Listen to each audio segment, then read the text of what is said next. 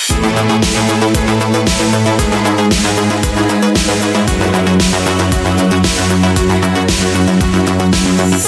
och välkommen till Popmusiks podcast. Jag heter Johan Alexed och idag har jag finbesök ända ifrån Stockholm.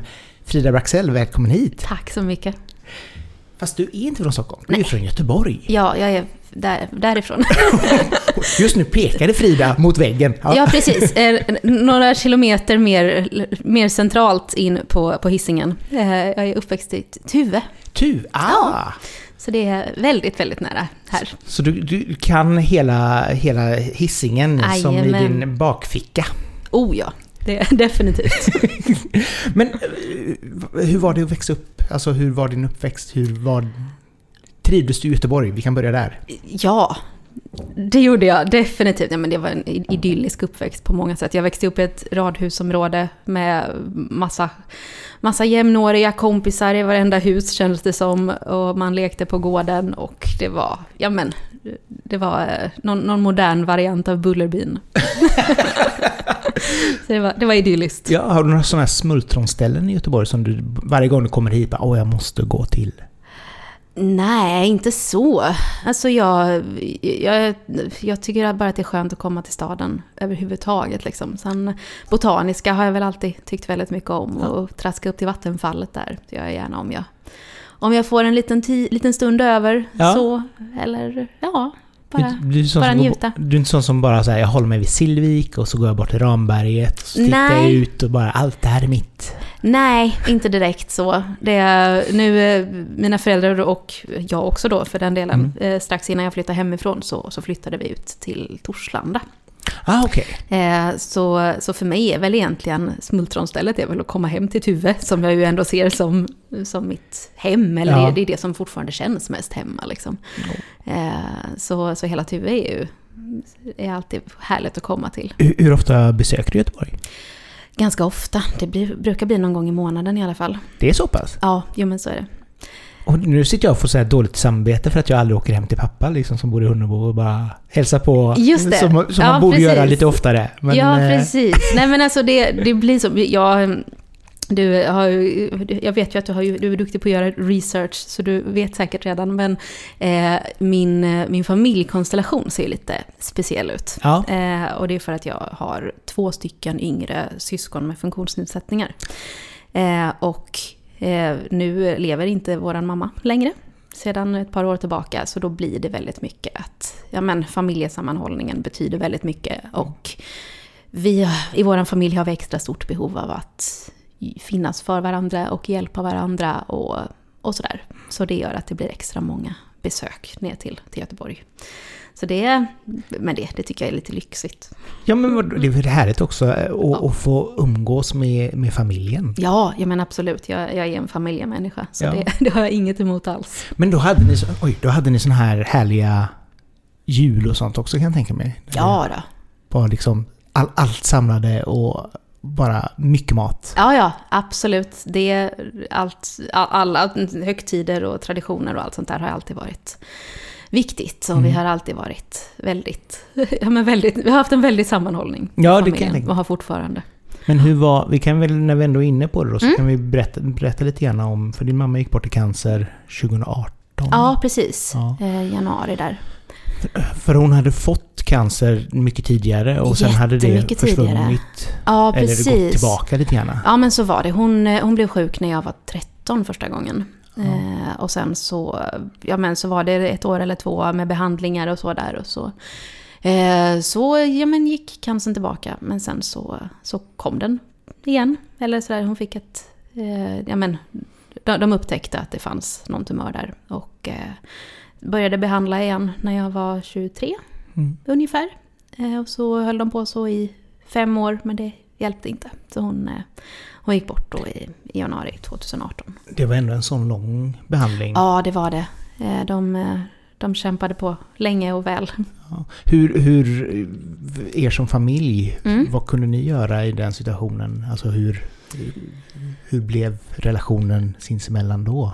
Alltså vi, i och med, tror jag, i och med mina syskon så, så har vi ändå en, eh, vi har, vi har ändå ganska, varit ganska bra och vana vid att hantera olika typer av kriser. Så vi, vi, blir, vi är ganska positiva, ser det positiva i livet mm. allihop. Eh, och kan gå omkring och skämta om saker. Så man, vi, vi, ja, vi, är, vi är ganska humorist, ett humoristiskt gäng. Ja, ja, men det är skönt i och för sig. Ja, och, eh, och bara ännu tajtare, skulle jag säga. Så det var väl egentligen inte... Ja, det, det, det, det, blev som det blev, men ja. det, blev inte, det blev inte jobbigt sinsemellan. Liksom. nej, nej, aldrig. Ja, men det är ju skönt i och för sig att man kan stötta varandra och som sagt var också kunna få glädje i, ja. i sorgen på något sätt. Ja, men kunna verkligen. stötta varandra på det sättet. För det är ju jätteviktigt när man är i, i en sån situation. Ja, men familj. precis. Ja, men så är det definitivt. Och sen känns det som att det är alltså, familjer som får uppleva cancer. Mm. Det känns som att det blir fler och fler också. Alltså att det, ah. det, börjar ju... Man läser nästan varje dag någon som läckt upp på, på Instagram eller Twitter liksom såhär ja nu är det cancer. Alltså, ja, precis. Att, att, att, även, om, även om det är en, en snällare cancer så känns det ändå som att fler och fler upplever den på ett eller annat sätt. Ja men så är det kanske. Sen var det just Just vad det beror på är väl en annan sak. Det, det får väl forskare uttala ja, sig om. Ja, men, nej, det är... men jag tänker mig, jag, jag har väl inte riktigt den uppfattningen. Jag tror snarare att det är så att man, eh, man blir mer och mer medveten om när cancern mm. faktiskt finns där. Jag så. tror att det är lika många som har haft, alltså jag gissar bara ja, vilt ja. nu. Men, men uppfattningen jag har det är väl snarare att man, att det, det är nog inte mer cancer, men snarare att den, den är mer uppmärksammad. Mm. Ja, men just i och med sociala medier och sådär. Ja. Ja, så kan det vara. Alltså att det, att det är väl... Ja, och mycket... kanske, kanske att det är lättare att upptäcka. Jag vet, jag ska nu är jag ute på djupt vatten, det här var inget bra. Nej, men det är, det, är, det är ändå intressant liksom att se att... Det, det var någonting som inte folk skrev om för flera år tillbaka så var, ja, det, så, så var det inte lika vanligt Nej, att man kunde läsa om det. Och det var det som fått mig att tänka att ja, det kanske är så att det är... Men det kan nog vara en sån här lite mer öppenhet i, i samhället överlag och det är ju också en fin sak. Uh, ja, ja men verkligen. Men du använde ju ditt, ditt senaste album, mm. uh, Livet och ångesten, var ju lite grann att skriva av dig om, ja. om detta. Ja. Hur var den processen för dig? Den var... Det var svårt för jag var ju mitt i sorgen. Vilket jag, jag nu i efterhand kan känna lite sådär att det var, det var lite mer skriva i affekt än, än jag gör normalt sett. Eh, det var några låtar som blev väldigt... Nu känns det här och nu och då blir det jättemycket. Och, och sådär. Men, men samtidigt så, eh, så behövs väl det, tänker jag. Eh, och sen, alltså det... Hela den plattan blev mycket... Det var, det var fortfarande ganska mycket sökande under, under den perioden. Eh, både liksom privat, rent känslomässigt hur jag mådde, men också i musiken och vad jag ville skapa för musik. Och, och det var ett ganska nytt samarbete med producenten som jag jobbade med då och fortfarande jobbar med. Mm. Eh, så det var väldigt mycket, mycket sökande och, och sådär, vilket också reflekterades tydligt i, i låtskrivarprocessen. Eh, så det på vilket sätt blev processen? Ja, men alltså... Jag, jag tror att det var väldigt mycket bara skriva det som föll mig in. Mm. Inte... Jag hade nog inte riktigt den där selektiva förmågan just då att det här... Eh, för, för nu så med, med lite, lite, lite mer erfarenhet så hade jag nog tänkt lite mer på hur, hur fungerar de här låtarna ihop med varandra till exempel. Eh, hur går det här in i hela konceptet? Vad vill man ha mer av? Vad vill, alltså jag hade nog styrt det hela lite mer. Eh, nu var det mer sådär eh, nu har jag skrivit en låt, den är klar, den ska vi spela in. Det ah, okay, fanns inte så mycket... Jag stannade väldigt sällan upp, utan det var bara avverka liksom. Och så när mm. man hade tillräckligt många låtar, då, skulle, då, då var skivan klar. Så det var inte så mycket Um, det var inte så mycket reflektion nej, kanske? Nej, det var det inte. Men blir det en belastning på skivan tycker du? Alltså att, att uh, det kan bli spretigt? Eller? Ja, jo men det tycker jag väl. Uh, jag, jag hade ju inte valt att göra så igen. Det var absolut jättenyttigt att ha gjort det och jag ångrar det absolut inte. Mm. Men jag skulle inte... det, var, det var nog en av de viktigaste läxorna från den plattan som jag tagit med mig in i, i, i framtiden och in, in i nutiden. Liksom. Att vara mer, mer organiserad och ja, mer precis. fokuserad. Struktur. ja. Men eh, var, var, det, var det någonting som du kände var svårt att skriva om? Eller Nej. Var, nej, det var bara... Det var behövligt kanske mer Ja, än svårt. Absolut. Ja, men det, jag, nu är jag så himla van vid, eh, vid att ha gått igenom det här, så det, det blir ju vardag till slut. Och när jag skrev hela, den plattan, då hade jag ju också... Jag hade levt med eh, cancern och den sjukdomen i min närhet under så himla lång tid. Eh, så det fanns inte... Det är klart att det fanns mycket, mycket sorg och rädsla och sådär eh, kring vad hur det skulle sluta och kring hur, ja, men hur framtiden skulle se ut och sådär. Men det var väl inte... Det yttrade sig mer i någon form av frustration Ja, okej. än i något Mm. annat. Ehm, så så det, jag kände aldrig att jag var särskilt blottande. Eller att det var något som, som var svårt att skriva om. Så. Du känner aldrig att du blir för personlig? Utan, Nej, aldrig. nej. Det, då, då hade jag nog valt att låta bli att skriva låten helt och hållet.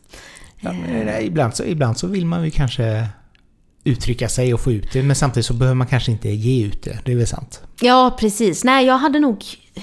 Jag, jag tror att i sådana lägen så brukar jag snarare byta ut detaljer i låten. Alltså jag, jag behåller kärnan, det viktigaste, men att jag byter ut, byter ut lite detaljer, byter ut någon historia. Och det, det kan absolut vara sådär att en...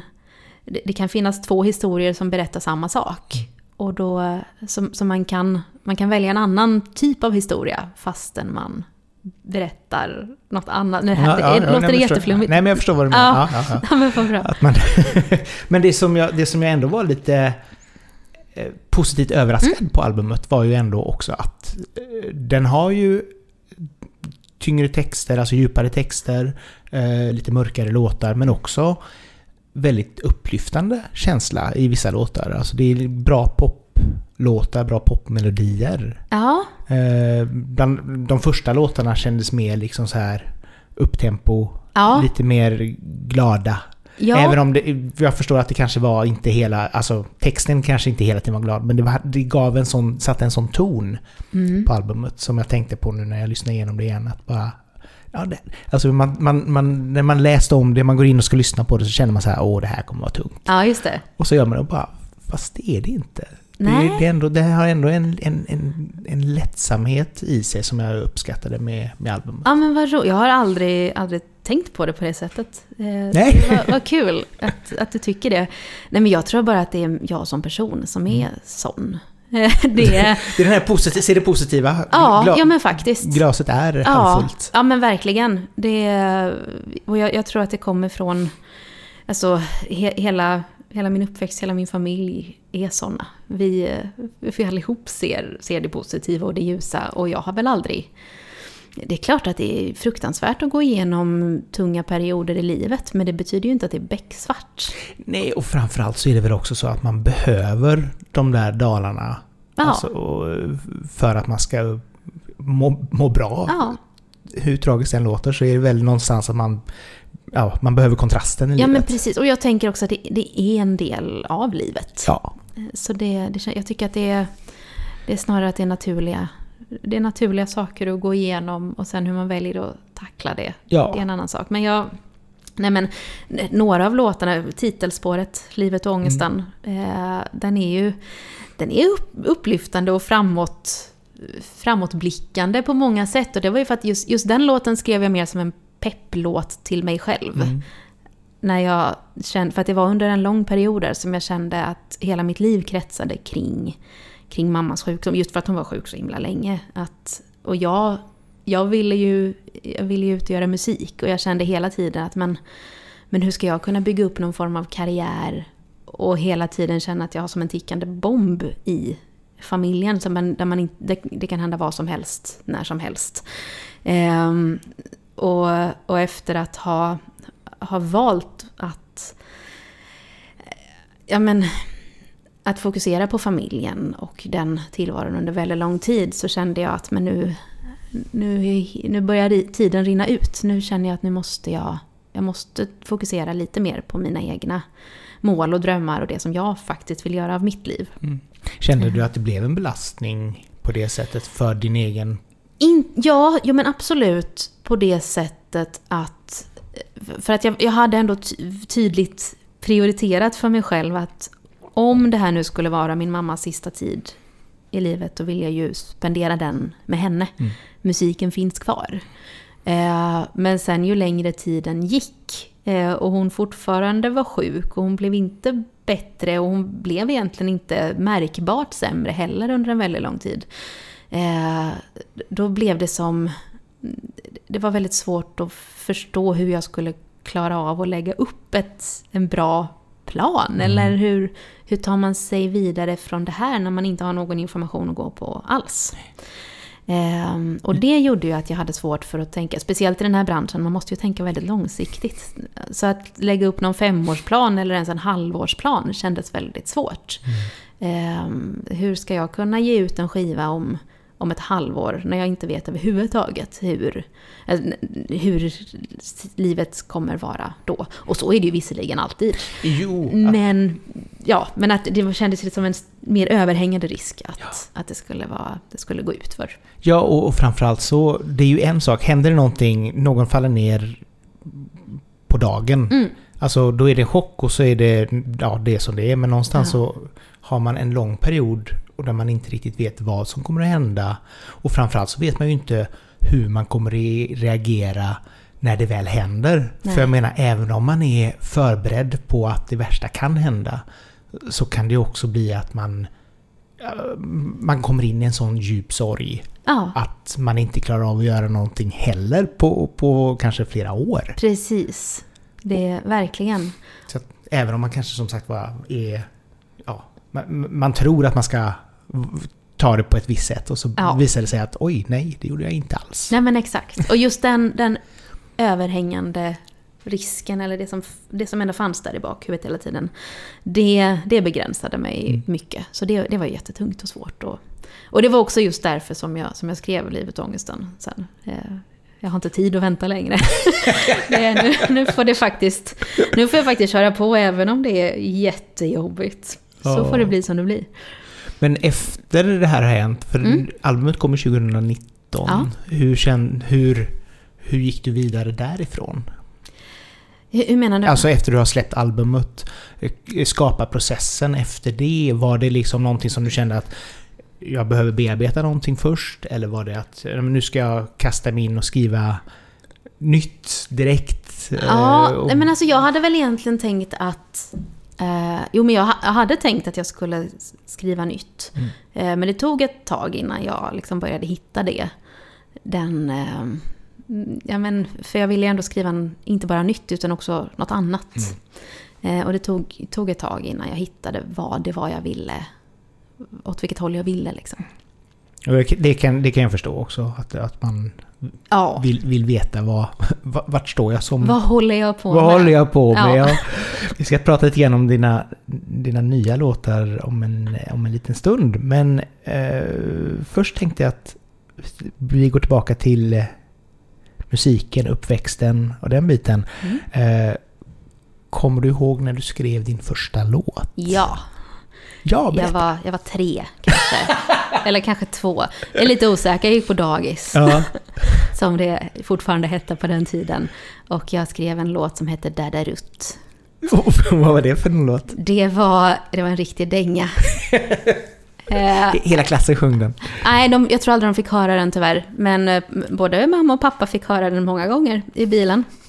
Eh, jag, eh, men jag tror att jag precis hade börjat lära mig att rimma lite grann. Ah, eh, ja. Så jag gick omkring och bara nynnade lite grann. Och, och, ja, men det blev ju en, en återkommande melodi. Så mm. på det sättet så blev det min första låt. Kul! ja då. vad, vad, kände du liksom så när... Var det musiken som kändes som en given punkt? Eller var det någonting som har vuxit fram i åren? Nej, det har... Sen så länge jag kan minnas så har det varit det jag vill göra. Jag har aldrig velat någonting annat. Så du bara kastat dig in i musikbranschen. Ja, precis. Detta, detta galna ställe. Ja, så, så blev det. Ja. Men vi, tänkte, vi brukar ju ha den här fem, fem äh, album Mm. slash låtar som inspirerat. Så jag tänkte vi skulle gå igenom lite grann det så får vi en liten bild av... Ja, ja men absolut. Jag tror att, alltså, för det första så fick jag lite av en, eh, av en chock när jag insåg att jag måste välja. Fem. Och, och inte som i att, åh vad få, ska jag verkligen kunna banta ner det till det? Utan som i att, oj då, när folk frågar mig om vad jag har inspirerats av för musik så duckar jag alltid den frågan. Jaha. För jag tycker inte om att prata om, eh, om musik som jag lyssnar på eller har lyssnat på eller så. Eh, men jag vet ju också att det är ett... Eh, det är ju det konceptet som du kör på. Ja. Så nu har jag ju verkligen fått utmana mig själv här. Och, eh, och också reflekterat över varför, eller vad, vad är det som gör att jag, att jag har så svårt för att svara på det. Och jag, jag tror att, att mycket av det har berott på att min den musiken som... Jag, jag kan inte påstå att det har inspirerat mig som i att jag aktivt har hämtat inspiration. Men, men däremot det som har satt, satt grunden för min musik, det är musik som, som jag lyssnade på i barndomen. Mm. Så jag tror att all musik som, som har format det jag gör på riktigt, det är det som jag lyssnade på innan, innan jag fyllde sju. Oj, roligt! Ja, eh, så man skulle säkert kunna blanda in en massa olika barnlåtar och barn, barnmusik där. Men, men de som, som jag har plockat fram, då har det mer varit musik som mina föräldrar lyssnade på. Mm. Eh, och det första som jag kom att tänka på då, det var Lisa Ekdahl. Eh, Bortom det blå var hennes andra album möjligtvis. Eh, och, och det var en, en platta som, som min mamma köpte någon gång. Eh, när jag var, ja men, sex, fem, Mm. sex år. Jag vet inte, minns inte exakt. Eh, men som, den kanske inte ens hade kommit ut då. Nej, jag vet, ja, Ja, någonstans 97. där. Ja, du vet, barndom. eh, men jag minns tydligt att, att vi lyssnade på den mycket i, i bilen. Och också hennes tidigare eh, musik. Fast om jag bara ska välja Mm. ett album så är det ändå, ändå Bortom det blå som, som vi lyssnade på mest. Och jag tror att för mig så handlade det väldigt mycket om... Jag, jag gillade musik då, jag, jag hörde låtar och såg tydliga bilder framför mig. Ja.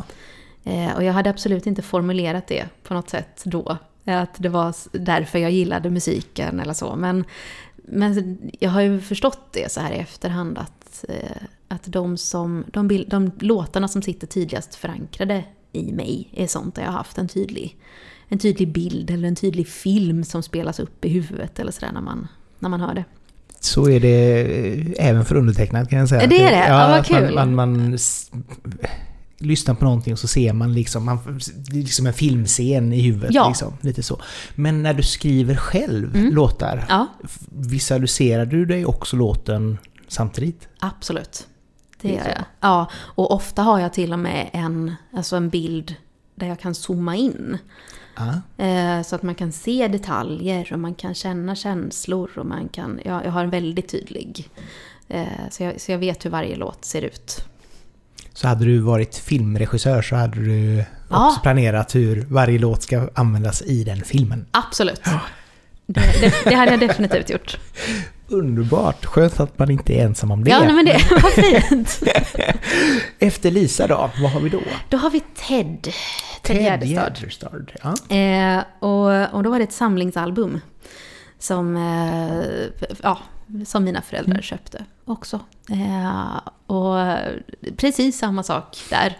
Eh, både både att, jag menar, texterna och att se tydliga bilder. Sen, sen har jag ju också förstått så här när man har vuxit upp att jag såg ju bilder som egentligen inte alls stämmer överens med, med vad de sjöng om. det, Nej men det behöver ju faktiskt inte nej, vara alls. nej, det behöver inte, utan det var ju mer att jag, ja men sådär som om man hörde någon saga och så man Mm. förstod inte riktigt alla ord så då fyllde man i luckorna själv på något sätt. Så jag, Ja, och sen kan det också vara så här, du, du åker någonstans, du har musiken på, du Ja. ser någonting, Ja. du förknippar det du såg med Ja. det du hörde. ja, så kan det också vara. Så att det, men det behöver ju inte betyda att man bara åh, nej men nu sjunger han, jag ska hoppa ifrån Eiffeltornet. Nej men Och precis. så ser man det, utan det var bara, nej det var det här jag såg. Precis. Och, eller, och den, just den låten betydde väldigt mycket. Det var ju den bästa. Jaha, för det var så check. Ja, ja men precis. Ja. Sen dansade vi till i köket mycket när jag var liten. Lite morbid. Ja, precis. Det, och det har jag ju också förstått i efterhand. Men, men som tänkt, det var ju bara om att hoppa. Ja, ja, ja, precis på samma sätt som att det finns massa andra barnlåtar om att hoppa. Ja, då hoppar man. Så det, framförallt, Ja. framförallt så är det ju också mer än, än ett hot. Än, Ja, men precis. Än ett löfte i låten. Precis. Att, det förstod jag ju inte heller då. Det, det var bara en väldigt bra låt. men det är väl också det som är skönt också när man gör låtar. Det som gör att Melodifestivalen kanske funkar så bra för många barn. Mm. Just det här att det är så käckt. Ja. Alltså det är väldigt så här klämmigt. Klämmiga Ja. låtar. Ja, men verkligen. Och vuxna. Ja, precis. Jo, men det var ju verkligen de som... eh, Det var de man, man fastnade för. Ja. Efter Ted då, vad har vi då? Efter Ted, då har vi eh, faktiskt Evert Taube. Oj, fint. Eh, ja, Det är göteborgaren i det som kommer fram här. definitivt. Och jag önskar att jag hade kunnat säga att det var originalinspelningar med Evert Taube, men det var det inte. Utan det var tolkningar. Det är väl ingen som lyssnar på originalinspelningar för han sjunger ju inte så jättebra. Nej, det är väl också väldigt sant visserligen. Då är det bättre när hans son sjunger faktiskt. Ja, jo men, och det här är ytterligare en, eh, ett kassettband ur eh, mina föräldrars samling. Nej, det var, det var nog en, de hade det nog på CD-skiva men hade spelat över det på kassettbandspelare. Eh, och det var Öbana. Jaha! Lyse barn. Nej. Ja, inte för Lysekil och sånt där? Nej, jag, tr jag tror att... Nej, det kanske det är. Jag är lite osäker. Skitsamma, Bohuslän. Ja, precis. Säger vi. Vi säger Bohuslän. Ja, Ja. så säger vi. eh, och de, de hade gjort en, eh, en Evert Taube-platta som det. hette Med Taube på Ängön, tror jag. Just det. Eh, och, och den tyckte jag också väldigt mycket om att lyssna på. Jag vet att pappa hade den också. Ja, vad han, kul. han är ett stort Evert Taube-fan. Ja. Eh, och och eh, gillade, köpte, vi har- hade nog två eller tre album med Öbarna Mm. kommer jag ihåg. Och eh, den här var en av dem också som jag hade hemma. Just så att man det. bara, mm, ja. Ja, och där tyckte jag så... Alltså jag tyckte om alla låtar. Eh, men, men några saker som sticker ut. Det, för det första så var det Maj på Malö. Mm. Och, och där var det framförallt för att jag, jag såg en så stark kvinnlig karaktär. Ah. Som jag inspirerade så mycket av. Och jag tänkte att sån vill jag bli när jag blir stor. Eh, så henne, henne tyckte jag väldigt mycket om. Och sen också, som i raka motsatsen till det här som vi pratade om med, med glatt och kä- klämkäckt och sådär. Eh, så finns det några, eh, några låtar, nu kommer jag inte ihåg vad de heter bara för det. En, en Hottus-spelman kanske den ena heter. Det, det finns några så här riktigt molliga låtar. Liksom. Eh, och, och, en, och jag tror att det är en Hottus-spelman som, där han, eh, ja, men, som handlar också om ja, men livet och, och vad händer när, när den här människan går bort. Och det var, ja, men det var, det finns, fanns ett väldigt mörker över den låten som jag fascinerades otroligt mycket av. Oj, Eh, ja. Så den tyckte jag också väldigt, väldigt mycket om. Evert Taube av Öbarna alltså. Ja, Ja, så var det. ja det jag gillar jag. gillar. Det är väldigt... Eh, som sagt det är även nostalgiska minnen även hos mig kan Ja, jag men säga vad nu. kul. när Ja. du säger det. Efter Evert, vad har vi då? Då har vi ABBA. Åh, såklart. Ja, och då har vi Voulez-Vous, skivan. För det fina blåa omslaget. Precis! Och man älskade lasern. Ja, exakt därför. Jag tror att det är det omslaget som har gjort att det är just den skivan jag tycker så mycket om. Den är helt otrolig den, den eh, ja, men he- hela, hela layouten. Ja, Eh, jättesnyggt. Superfint. Eh, den älskade jag. Och där var det också, återigen, jag förstod inte vad de sjöng om, men Kisses of Fire var favoritlåten. Åh, Både för dramatiken, att det började lugnt och tyst och sen så blev det Kisses of Fire. Så drog det igång ordentligt. Och det, där var, det var ju också en sån här tidig dröm jag hade, att en sån låt vill jag, vill jag skriva någon gång som, som börjar tyst och blir stark sen. Ehm, har du kommit dit? Har du gjort den perfekta Kisses on Fire-versionen? Nej, kanske inte riktigt ännu. Det, har, det finns element av det Ja, i, ja. i några låtar. Du, Men, eh, du jobbar åt det hållet alla Ja, precis. Ja, vi får väl se var, var det landar någonstans. Jag har ju en producent som ska säga sitt också. Så. men, eh, men det kommer väl så småningom kanske. Eh, Tänk om verkligen bara leverera den där starka ABBA-låten. ja, ja, ja, hjälp. Det... Dröm. Ja, verkligen. Då kan man ju känna sig klar sen. Ja men lite, alltså både det, ska man ju inte säga någonting, alltså Gärdestad är ju fantastisk eh, på Ja, sina poplåtar oh ja, också, men, men det är ju fortfarande liksom det här ABBA är någonstans där the holy grail när det gäller Absolut. bra poplåtar. Där, där håller jag verkligen med dig. Var du lika besviken eller var du nöjd eller vad gillade du det nya albumet? Åh, jag älskade delar av det och hade väl lite svårare för andra delar av det. Ehm, Jag tyckte jättemycket om singlarna. Mm. Jag lyssnade om och om och om, om, om igen på dem. eh, resten av låtarna har jag inte lyssnat tillräckligt mycket på. Och det säger väl sig... Eller det, jag tänker att det är ett betyg i sig. Ja men lite så. Tyvärr. Lite så faktiskt. Eh, så eh, jag ska ge det fler chanser har jag tänkt i evigheter. Men, eh, men det var lite, jag, jag tyckte väl att det var lite för mycket, att det flöt, musiken flöt in lite för mycket i andra av eh, projekten som Mm. eh, framförallt Benny har haft. Jag tyckte det var lite Benny Anderssons orkester över vissa och, och sådär som jag, och jag älskar Benny Anderssons orkester också, men jag hade nog gärna velat se att det var lite mer renodlat. Lite mer ABBA och lite mindre Bau. Ja, Mm. precis. Det, det, det var väl det jag hade förväntat mig lite mer, Mm. speciellt efter, efter de singlarna. Ja, jo, det var eh, kul att de var tillbaka. Eh, Så Ja. kan man väl säga. Så kan man väl sammanfatta det albumet. Men eh, det är inte det jag kommer till att lyssna på Nej, om 20 år och tänka This was their peak. nej tyvärr. Det, tyvärr. Men, men singlarna, de, de kommer nog Ja. hänga med länge, för mig i alla fall. Ja, ja men det är bra. Ja, ABBA, efter ABBA har vi sist efter men ABBA. inte minst. Ja, precis, jag tänkte att jag, var, jag måste ju hitta någonting som inte kommer från barndomen, utan någonting som har kommit lite längre, lite mer nutid, som Mm. har format mig på något sätt. Och då blev det faktiskt Niklas Strömstedt. Jaha, Ja, och alltså, han gör ju massa jättebra musik. Eh, men det är egentligen inte det som är huvudfokuset för, för mig, när, att jag valde just den plattan. Eh, för jag, han gjorde ju när han hade sitt 30-årsjubileum, måste det ha varit, eh, så gjorde han en platta som heter 30 år i kärlekens tjänst. Mm. Med lite mer akustiska tolkningar av sina gamla låtar. Och det tyckte jag, ja, jag, vad kan jag ha varit? Jag var väl i 20-årsåldern eller något sånt där. ja det kan man säga. Ja, det borde det varit om det var runt, 30. Runt där någonstans. Eh, och, eh, och det var ju också för att min, min mamma och pappa hade bokat biljetter för att se Strömstedt och Freud. Och jag, eh, jag, jag var lite avundsjuk, för jag hade velat se det. Eh, och fick göra det. Tyvärr var det på grund av att mamma var för sjuk, så hon kunde inte gå.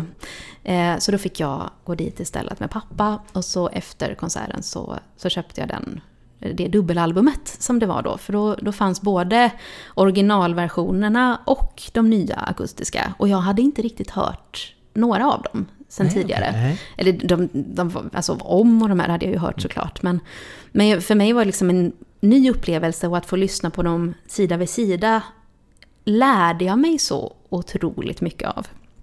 Eh, och jag lyssnade på det där jätte, jättemycket.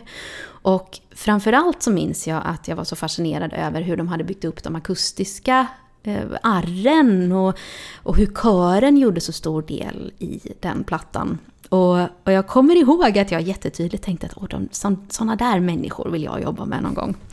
Eh, och eh, utan att riktigt veta om det så, så, så blev det så.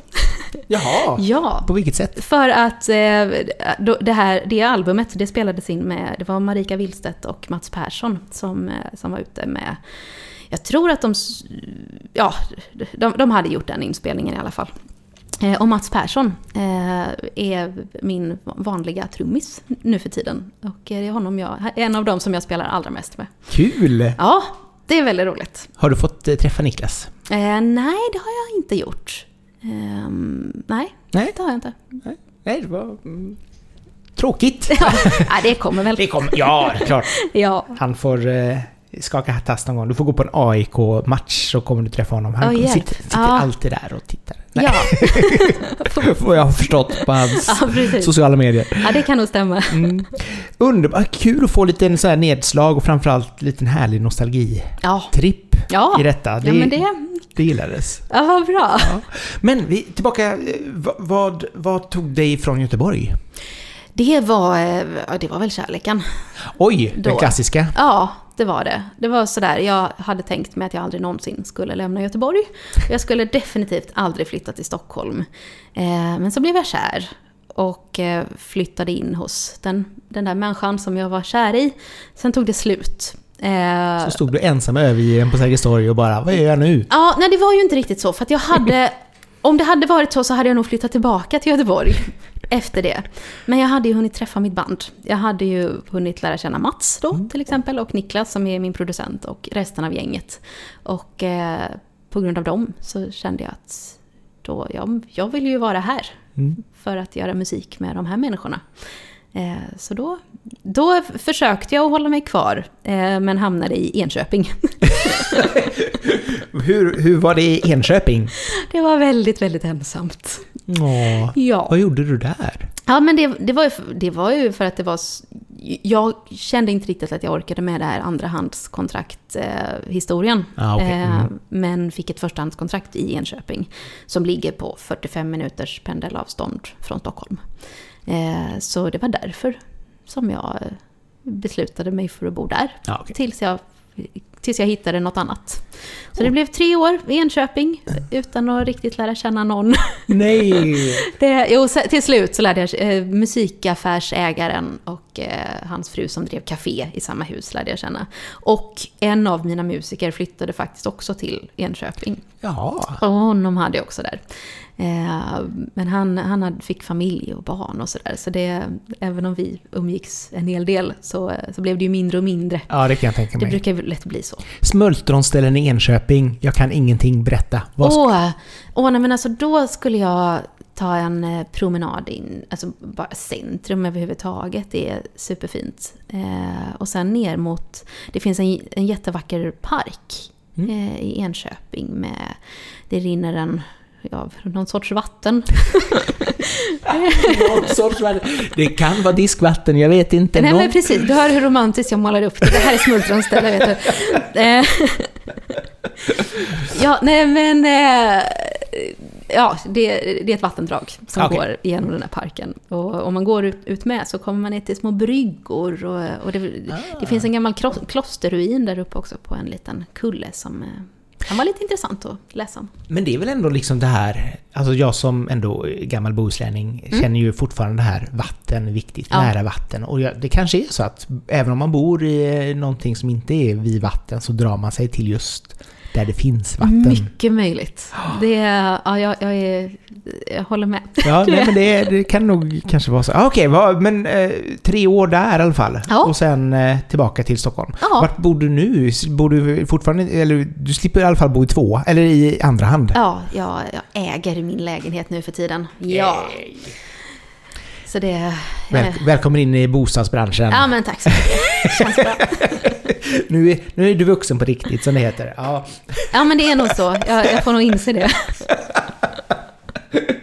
Men du är inte bara husägare, eller husägare, du är inte bara eh, lägenhetsägare, utan du är även, ger även ut musik själv. Ja. Så du är egen även där. Ja. Hur, hur blev det så att du vågade dig på den här? Ja, alltså, och det är också lite roligt. Då får man gå väldigt långt tillbaka. För jag har ju... Eh, min första skiva, Fattiga riddare, den är ju faktiskt tio år i år. Mm. Eh, och strax innan den gavs ut så gick jag eh, på ja, flera småkurser och också en längre utbildning på Nordiska folkhögskolan här i, i Kungälv. Strax utanför Göteborg. Eh, och det är en utbildning som, eh, som riktar in sig på visor och det var väl så som jag råkade hamna i visvärlden så på mina första plattor. Eh, och de här, den, här längre utbildningen, där var det, det var folk i min egen ålder och sådär som, som satte ett helt år åt bara musik. Men jag gick också några kortkurser där det var lite mer, men lite låtskrivande, lite vistolkning, lite sådär där man träffades några helger. Och då var jag utan tvekan yngst Jag var Ja. 18-19 kanske och de andra var pensionärer. Nej, inte alla kanske, men de, de flesta var det eller bör- började närma sig. Du bara, vad har jag gett mig in på liksom? Ja, precis. Och, men, och det var, och ja, precis. Men det var så mysigt. Och, och de var ett sånt fint stöd. Och det som var så roligt då, det var att flera av dem var verkligen entu- entusiaster och hade liksom på hobbynivå spelat in egna plattor. Eh, och några av dem hade gjort det helt själva och andra hade gjort det liksom i studior. Mm. Och så. Men, men då fick jag upp ögonen för att man behöver inget skivbolag för att, för att spela in en platta. Det kan man göra själv. Och sen så blev det också att när jag gick den här lite längre kursen, då, eh, då hade vi en gästlärare som hade kopplingar till Nacksvings studio här Ah, i, ja. i Göteborg. Mm. Eh, Så genom honom fick jag kontakt med Nacksving. Och eh, då blev det att jag bestämde mig för att ta alla pengar som mina föräldrar hade sparat ihop åt mig, som jag skulle haft till en lägenhet. Eh, Och, eh, och så eh, spelade jag in min första platta istället. Och sen har jag bara fortsatt med det. Hur nöjda var de med det beslutet? Ja, men de var faktiskt nöjda. De stöttade mig till 100%. Ja, men det är bra. Ja. Det är bra. Och nu har du ändå din lägenhet. Så att Ja, men det liksom, exakt. Det löste sig Det är ändå. win-win för Ja, men alla. precis. Ja. Så definitivt. Men okej, men du sa att du gav ut den själv. Men hur, hur känner du liksom så här utmaningen med att vara egen som artist liksom? Alltså det, det är ju klart att det är... Framförallt så är väl det stora att jag inte har... det tar mycket längre tid att bygga upp ett kontaktnät. Mm. Eh, det, det, det finns inga färdiga lösningar för någonting, utan allt, allt som ska göras får jag uppfinna från grunden. Eh, och ta reda på från grunden och så. Eh, och sen är det klart att när man inte jobbar med, man, man har inga stora budgetar eller PR-team eller eh, ingen, ingen som, som, gör jobb åt en. Så blir det såklart en, många utmaningar med det. Mm. Men jag tycker nog att för min egen del så känns fördelarna större. Så, så jag, jag har varit väldigt... Jag, har- jag har faktiskt aldrig ens försökt att ta kontakt med något skivbolag. Det har inte... Det har aldrig funnits i min värld. Nej. Nej. Det brukar vara sån här the holy grail för vissa liksom. Där Ja. att man minsann en dag ska Ja, precis. ha skivbolag. Ja, nej, jag... Men det är beundransvärt att du verkligen Ja. kör. Ja, men tack. Ja, Jag tror snarare att det kan bli så att om, om något skivbolag någonsin får upp ögonen för mig så får de nog ligga i för att övertala mig. Ja. Det, nej, jag, jag har trivs väldigt bra med, med det. Och det är väl mycket för att jag är... Både för att jag är lite av ett kontrollfreak, men också för att jag tycker att alla delar i mitt jobb är så himla kul. Mm. Jag vill gärna sitta med mina egna pressreleaser och eh, fixa med, ja men ta alla besluten själv och eh, ja men tänka fritt och stort och drömma och, eh, och inte känna mig beroende av någon annan i det liksom. Ja, och framförallt så är det ju också så att du kan göra, när du väl är klar med låten och känner att nu kan jag släppa den, så kan Mm. du faktiskt släppa den. Ja, Utan att det behövs ja. göras på något visst sätt. För att det är Precis. någon eh, skivbolagsdirektör som tycker Ja. att nej, inte nu. Nej men exakt. Eh, så det... Jag ser, jag ser nästan bara fördelar med det. Förutom just då konkurrens. För det blir ju ändå så att konkurrensen så att säga är ju ändå liksom stora skivbolag. Så de är väl inte så roliga att konkurrera med. Nej, och det går ju inte heller. Alltså, Nej, det, det kan det man aldrig inte. göra. Det enda, som, det enda man kan hoppas på det är väl kanske det här att som sagt var låt... För du har ju ändå... Om man kollar på, på dina låtar som du har släppt så Mm. streamas du ändå. Alltså Ja. det är inte så att det är ingen som inte vet vem du är. Nej så du har ju ändå nått ut med både Ja. ditt namn och din musik. Ja, jo men så är det. Så att det, då har du ju ändå gjort ett, ett bra, bra jobb även, där. Ja, liksom. och det är väldigt roligt att kunna säga att jag har kommit hit själv. mm. det kan jag tänka mig. Ja, det. Det är en liten klapp på axeln. Ja men verkligen, det är, jag- det är jag stolt över. Ja, men det ska det vara. Ja. För jag menar, det, det som sagt var... Det laddas upp, vad är det de säger? 70 000 låtar per dygn. Ja, Eh, på alla musiktjänster liksom. Så att ja. det är mycket att, att slåss mot. Ja men så är det, verkligen. Sen är väl det svenska mm, marknaden lite mer begränsad, men, men det är ändå mycket som säger, alltså, du kanske släpper samma vecka som Maggio eller Ja, Ja. precis. Victor Lexell eller whatever liksom. Ja. Så man bara, hopp, nu ska man slåss mot det här. Exakt. Precis. Så att det, det, känns, eh, det känns... Har du någonting sån här...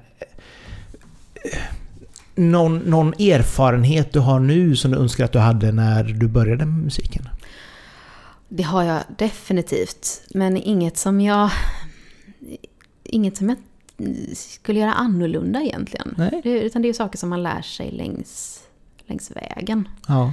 Eh, men, men framförallt det som jag... Så här, om, om jag hade varit... Om jag skulle börja om så skulle jag nog... Så önskar jag att jag tidigare hade upptäckt att det finns ganska mycket kunskap att ta del av. Mm. Eh, som, som jag jobbar nu så...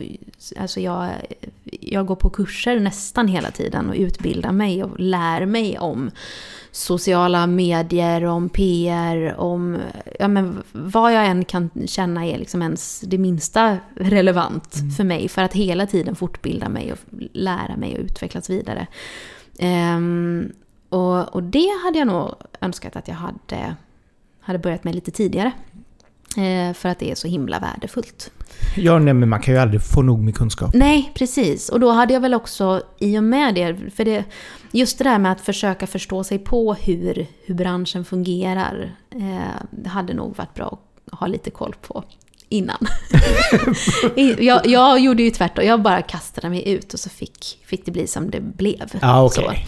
Så. Eh, och sen också sådär att, att veta lite grann vilka delar som finns i, i, alltså, i branschen. Vad, vad, vad det finns för olika funktioner och hur de fungerar och vad som är viktigt för att ha helheten. Eh, som, ja men min första platta, jag gjorde ju inte några PR-grejer överhuvudtaget. För det hade inte jag fattat. Jaha, du bara Eh, släppte ut den och bara så nu ska alla lyssna Ja. på den. Ja, Alla kommer hitta den ändå. ja. Ja. Jag tror inte att jag skickade ett enda mail. Eh, den, den, bara, den bara var där. Och sen var den inte så... Och, och då, ja, då visste jag ju faktiskt inte ens... Det var precis innan man hade börjat att ladda upp grejer på, på Spotify. Eh, jag visste inte någon annan som hade något på Spotify då. Nej, och det här är ju Eh. tj- 2012 liksom, så Ja, det är ju precis. fortfarande i eh, streamingens linda. Ja, eh, så, eh, så jag var väl mer inställd på en, alltså, att ha en fysisk CD-skiva och eh, var nöjd med det. Och sen att, att den gick att streama var ju bara ett plus. Aha, Eh, jag hade inte fattat att det ens skulle vara möjligt. Ehm, Så det, det är många sådana grejer som, ja, men, som bara hände Ja. istället för att det blev medvetet. Liksom. Ehm, Spännande ändå Ja. att, det, att det blir så pass. Ja, faktiskt. Men nu har du ändå lite mer koll, eller lite mer koll, men nu kan du allt för nu, nu släpper du nya singlar. Ja. Ehm, nästa år är vårt. Vi kan börja med den. Ja, Eh, lägga det dystra bakom sig och blicka framåt. Eh, om vi bortser från krig och elände ja precis. i, i år. Exakt. Eh, hur har året börjat för din del? Ja, men det började bra. Eh, Det har varit framförallt att, att den låten togs emot så pass väl. Det, jag har, det har varit mycket större intresse för den än vad jag har varit med om tidigare. Kul! Kanske också för att jag faktiskt har lärt mig att göra PR. Men det jättefint utskick så att Ja, du har ändå jobbat med det och eh, som sagt jag älskar det här när man tips till alla. Alltså eh, tydlig information om, om vem som har gjort vad, länkar, eh, här har du bilder, tryck, klicka här och så vidare. Alltså väldigt tydligt. Ja men toppen, vad bra. Det, ja men så den, eh, i, i och med att jag släppte den så, så har det rullat in en del, ja, men en del bokningsförfrågningar inför sommaren. Och mm, många fler än vad jag har haft tidigare så tidigt på året. Så det har absolut Roligt! gått åt rätt håll. Blir det spelningar i Göteborg? Eh, det blir det säkert. Det är inget som är helt spikat ännu. Nej, men, men, eh, eh, det lutar... Du, jobb, du jobbar åt det hållet i alla fall. absolut, det gör va- När vi ändå är inne på spelningar så måste jag ta det här innan jag glömmer bort det, Mm. för jag är ju så dålig på att komma ihåg saker och ting. Men vad tycker du är viktigast, eller om, om, om man ska som ny, artist hitta liksom det här, jag ska jo- jobba efter ett skivbolag eller jag ska jobba efter en bokare, vad skulle du säga då? Om man ska välja mellan ett skivbolag och en bokare, Ja, jag skulle säga lär dig att göra det själv. men bo, ja okej. Skit i både och. Jag jobbar inte med bokare, jag jobbar inte med skivbolag. Nej. Jag, eh, jag, jag vill lära mig allting själv och det tycker jag verkligen att alla som är nya i branschen ska göra också. Inte för att man inte ska jobba med skivbolag eller bokare, men för att när man väl gör det så ska man veta vad deras jobb handlar om. Mm. Eh, tycker jag är jätteviktigt och jag hade inte velat samarbeta med någon som jag inte vet vad deras jobb går ut på. Vad de ska göra? Nej. Så, så det hade jag sagt. Okej, ja, nej men det är bra. Jag Ja. vet ju många som tycker att de måste ha, har de inte ingen bokare så har de svårt att kanske att få bokat konserter och sånt. Ja, då, då har de fel. Ja, bra! Då eh, gillar vi. Det gillar Ja. vi. Det. Så det är bara, det, det löser sig om man bara kan och ligger i. Ja, precis. Jag tycker det, då är det bättre att, eh, att ge sig ut bland människor som, som jag till exempel. Dra iväg ett mejl till någon, till någon som jag Mm. eh, och fråga hur man gör. Ja, det är jättebra. Det är mycket bättre. Eh, och så för att eh, även om bokare, de har jättemycket kontakter och de är säkert fantastiska att jobba med. Men, men det är ju också, om man inte... Det, det är nog ganska svårt, tror jag, att, att vara ny som en artist hos en bokare. Det är klart att man kan få kan komma in på större scener och så för att de har större möj möjlighet att göra deals till exempel. Om du bokar den här stora artisten men så kan du väl låta den, den här nya artisten spela förband. Det är ju superbra till exempel. Eh, men jag kan väl också tycka att Eh, nu tappar jag bort mig helt och hållet. Eh, Jag menar Eh. att eh, bokarna inte kanske levererar det de ska. Ja, eller snarare så att man... Jo, precis. Det var det jag skulle säga. att Det är ju inte bara att man, att man kan glida med de här stora artisterna, utan det är också att man konkurrerar med de stora Ja. artisterna. För att bo, bokarna måste ju sätta... De har så många att sätta gigs åt. Jobbar du bara åt dig själv så har du bara dig själv att sätta gigs åt.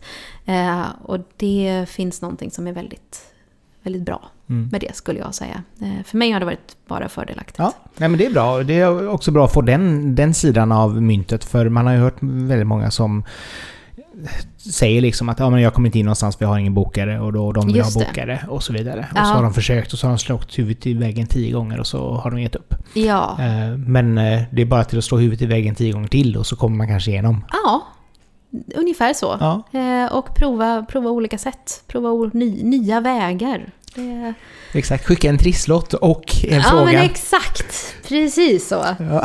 Det... Hur skulle du säga en, en, en, vad, är, vad är ditt, ditt eh, an, mest annorlunda sätt att få ett gig?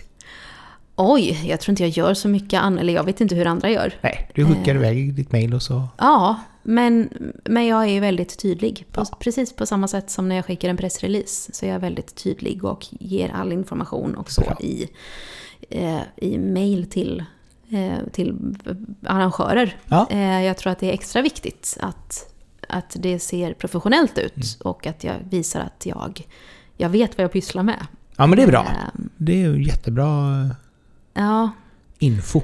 Ja, precis. Jag tror att, eh, att det är nyckeln faktiskt till, eh, till att det ändå har gått ganska, Ja. ganska bra. Kul! Ja, Ja. Det ska bli spännande att se dig under, under, eh, under året. Ja, Förhoppningsvis det. då som sagt var även live här i Göteborg, det hade varit käckt.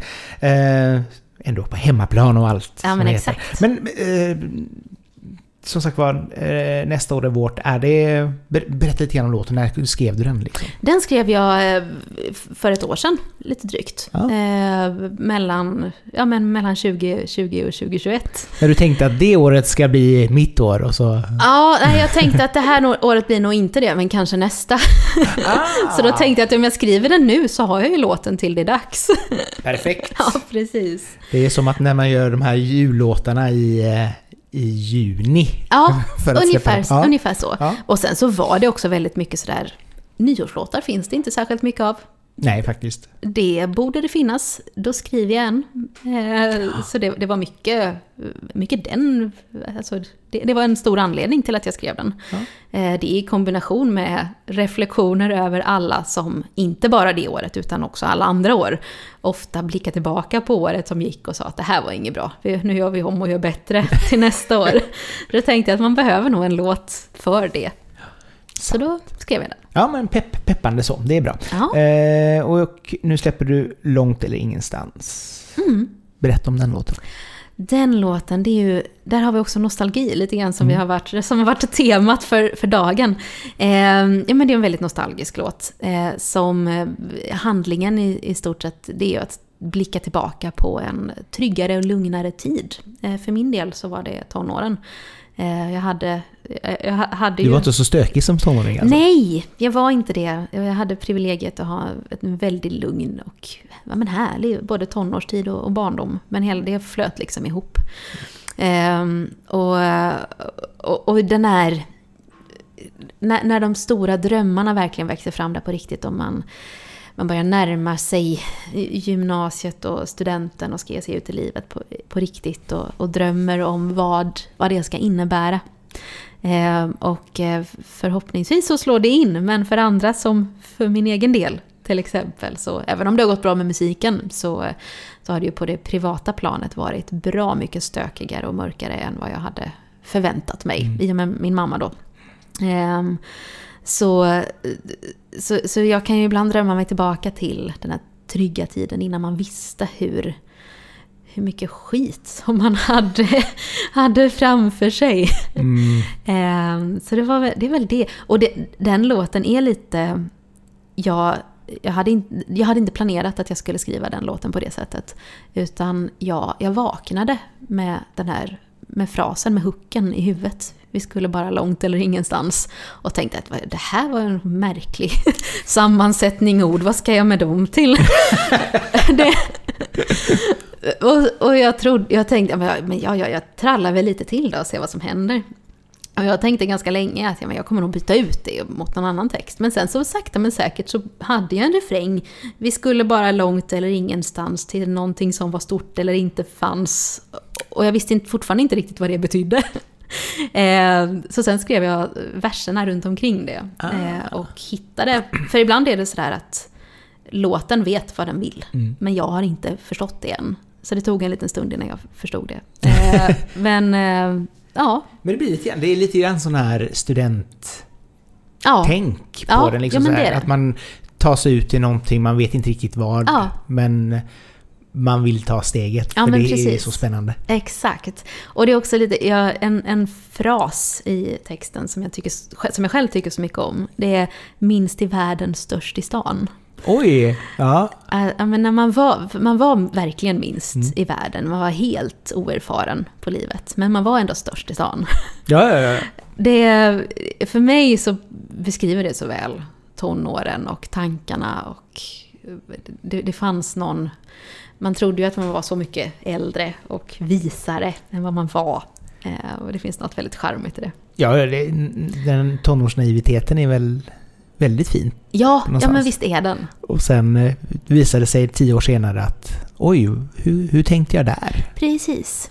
Eh, så, så det är nog många som känner igen sig i det. Ja, men det är också så här, här låten i sig är också härlig sommarpop. Liksom. Ja. Eh, bra melodi, bra hook. Mm. Så här. En del Göteborgsreferenser. Ja. Älvsborgsbron är med. Exakt. Och så vidare. Så det är den. Ja, men det är lite så här, det är en här, härlig poplåt liksom. Ja men tack. Eh, när, hur, hur arbetade du fram den i studion sen? Eh, nej men vi har jobbat ganska likadant med alla låtarna. Mm. Eh, jag har suttit hemma på kammaren och skrivit eh, text, ackord, melodi. Det som är låten ja. egentligen. Eh, sen så har jag tagit, traskat ner för backen. Studion ligger bara för ett stenkast hemifrån mig. Så jag har traskat ner till Niklas i studion och så har vi suttit och jobbat fram förproduktioner mm. tillsammans. Så vi har suttit, den här skivan är mycket mer det finns mycket mer så här, förprogrammerade element, förprogrammerade ja, ja. Eh, element i, i den här eh, plattan än vad det har varit tidigare. Det var ju en del av det på Livet och ångesten, men absolut ingenting tidigare än så. Nej, då var det ju mer akustiskt. Då är det väldigt akustiskt. Eh, men så nu, är, nu så görs allting i, i datorn först. mycket, och sen så är det ju alltså, effekter och vissa härliga ljud och så här, det är mycket som är kvar av det som, som är i förproduktionerna. Men och sen så, eh, han, han tänker till och gör, gör sitt och, och vi jobbar fram låten tillsammans ja. eh, därifrån. Han gör det mesta och jag säger mest ja eller nej. Eh, och ofta säger jag ja. Eller så säger jag nej och så övertalar han mig att säga ja. så, så blir det så som han har tänkt Ja, men det är bra. Det är bra. Ja. bra producent. Ja, han, ja, men han är fantastisk. ehm, och så kommer jag med lite idéer och tankar och, och så också såklart. Mm. Ehm, och sen så har vi tagit in eh, livemusiker i studion. Ehm, så har de fått, fått göra sina delar. Så eh, ja, Ja, det, så hur, hur långt har ni kommit? Är det klart? Eller är nej, det, nej, det är det inte. Eh, det finns, eh, alltså vi, har, vi har jobbat i, i, det här arbetet påbörjades redan ja, när pandemin bröt ut ungefär. Jaha, vi 2000? Arbetet. Ja. Eh, och då, jag har liksom skrivit låtar parallellt med det, så så fort jag har skrivit en så har vi setts och jobbat med dem. Liksom. Eh, så då var, blev det att när vi hade tillräckligt med låtar för att fylla en session dag med en instrumentalist, Mm. så fyra låtar ungefär är det väl man, man hinner med på en Ja. dag. Mm. Ifall man tar in trummisen och, eh, till exempel. Eh, så, så då har vi, eh, vi har jobbat fram tills vi hade fyra låtar. Och så har, har gänget som ska lägga instrument kommit in och gjort sina grejer på de låtarna. Eh, och sen samtidigt så har vi jobbat parallellt med de här bara produ- förproduktionerna med andra låtar, med fyra låtar till. Eh, sådär. Så, eh, så några låtar eh, har vi kommit väldigt långt med, några är, in, är inte ens skrivna ännu. Ja, okej. Hur många låtar hade du tänkt att det skulle vara på albumet? Minst tio. Minst tio, mm. Eh, sen förhoppningsvis några fler, men Ja. det får vi se. Ja, ja, men då har du i alla fall ett mål. Ja, och tio låtar finns det nog nu. Det är nog klart. Tror jag. Jag har inte räknat, nio eller tio är vi på. Nej, men det har du ändå, för, för planen är ju ändå någonstans att det ska eh, komma till hösten vad jag Ja, förstår. då blir det ett helt album till Så hösten. då har du, då har du ju hela sommaren på dig. Jaha då. Det finns all tid i världen. Jaha då. Många resor mellan upp till Göteborg. Hur åker du till Göteborg? Har du bil eller Ja. kör du... Ja. Jag har bil. Men eh, jag tar tåget så fort jag inte behöver ha en massa instrument och grejer med mig. Okej. ja nej, annars så tänkte jag att man kan sitta på tåget och liksom Ja, ja! skriva och inspireras. Det är lite svårare i bil kanske, men ja då kan man sitta och nynna och sjunga för det själv. kan man absolut göra. Jag har ju, man kan ju programmera så här knapp, så här snabbval. Ja, just så jag det. har ju röstmemon ju på första. Ah, ja, ja, så den, smart. den kommer jag åt snabbt om det behövs. Om du kommer på någonting som du ska nynna på och så bara, klart. Ja, men precis. Underbart. Vad ser du fram emot mest under sommaren, eller under året, förutom att släppa ett album? Jag har inte ens insett att det händer något annat i år. Så jag... så jag, jag vet inte. Nej, Nej, det, du, bara, du hoppas på att det blir en fin sommar och... Eh, ja, men det ska ju bli... Ja, det finns ju massor med roliga spelningar Ja. eh, som, som kommer hända under, under sommaren. Som är alldeles för... Eh, eh, ja, som inte är officiella ännu. Men eh, som jag verkligen ser fram emot. Det ska bli spännande att se och som sagt var, man får följa dig på sociala medier så har man lite Ja, men koll det får man göra.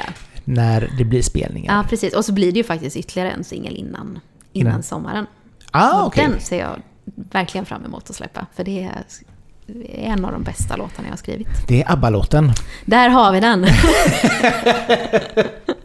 ja, precis. Ja, då eh, vill du avslöja någonting eller vill du låta det vara hemligt? Nej, men vi, vi låter det nog vara, Ja. vara lite hemligt. Vi låter Ett- det vara hemligt. till. Ja, så har vi någonting att se fram emot. Ja, så men att, precis. Följ Frida på, på Spotify så att eh, ni får en sån ping, kanske man inte får där. Att Jo, nej men man... Man kan eh, följa dig som artist i alla fall. Ja, där, det så- kan man absolut så göra. får man lite koll på när det händer någonting. Det kan man. Ja, det låter som en bra grej. Ja. Underbart att ha det här idag Frida. Tack för att jag fick komma. Ja, tack själv och tack till dig som har lyssnat just nu. Eh, jättekul och som vanligt, dela gärna inlägget eller podden så att fler hör den och prenumerera gärna på den så får du nästa avsnitt direkt ner i din poddapp. Men ifrån ett soligt, varmt och vackert Göteborg så säger vi tack och hej! Hejdå!